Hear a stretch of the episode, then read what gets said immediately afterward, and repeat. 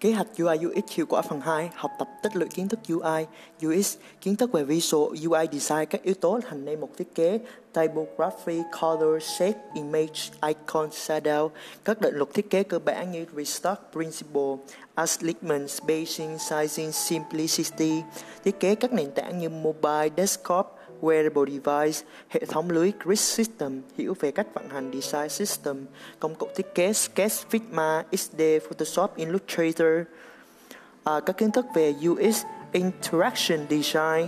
Đây là một phần quan trọng trong UX. Bạn học cách thiết kế sản phẩm tương tác với user và ngược lại. Ví dụ như bạn thiết kế một button khi người dùng tap vào cách hiển thị notification trên điện thoại điều gì xảy ra khi user vút sang. Tất cả tương tác đó sẽ được định hình bởi thiết kế người thiết kế để bắt đầu học.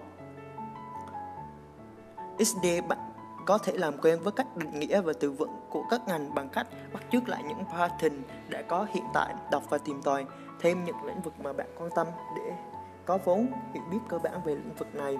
User Research thiết kế là giải quyết vấn đề để giải quyết được vấn đề điều đầu tiên cần làm đó là hiểu đúng về vấn đề mà người dùng đang gặp phải. Quá trình này đòi hỏi bạn phải nghiên cứu, tìm tòi. Hiểu nhóm user đang dùng sản phẩm của bạn. Hiểu những pain point của user.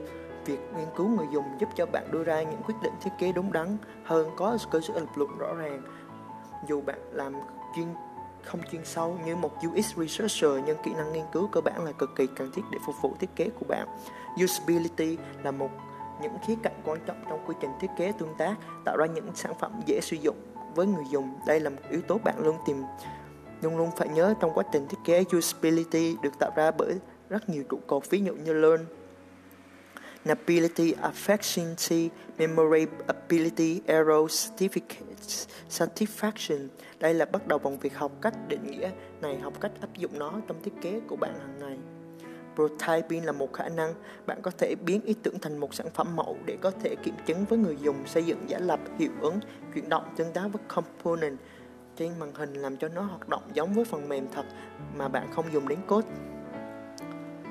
Để các bạn hình dung kiến thức giúp ích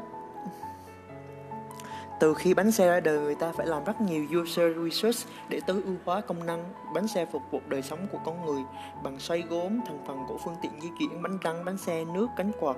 Để có thực hiện được các nhiệm vụ trên, người ta phải tạo ra các cấu phần của bánh xe khác nhau và các bộ phận phối hợp nhịp nhàng là interaction design.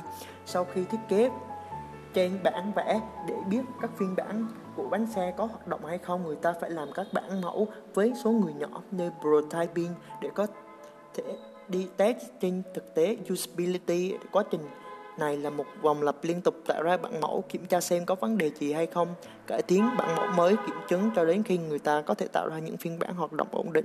Sau khi có phiên bản ổn định, người ta sẽ biến thành hoàn thiện thiết kế của bánh xe, sao cho đẹp mắt, thân thiện với nhu sơn màu, dùng vật liệu gì, visual design, UI design trong thực tế thì quá trình thiết kế bánh xe hay thiết kế sản phẩm số sẽ phức tạp hơn như vậy bởi vì bạn sẽ làm việc phối hợp với nhiều ngành thành phần khác nhau trong dự án để hoàn thành mục tiêu như BO, BA, Dev, Sale, Marketer, Designer khác. Điều mình muốn nhấn mạnh ở đây là quy trình thiết kế sản phẩm nói chung trải qua các giai đoạn như vậy.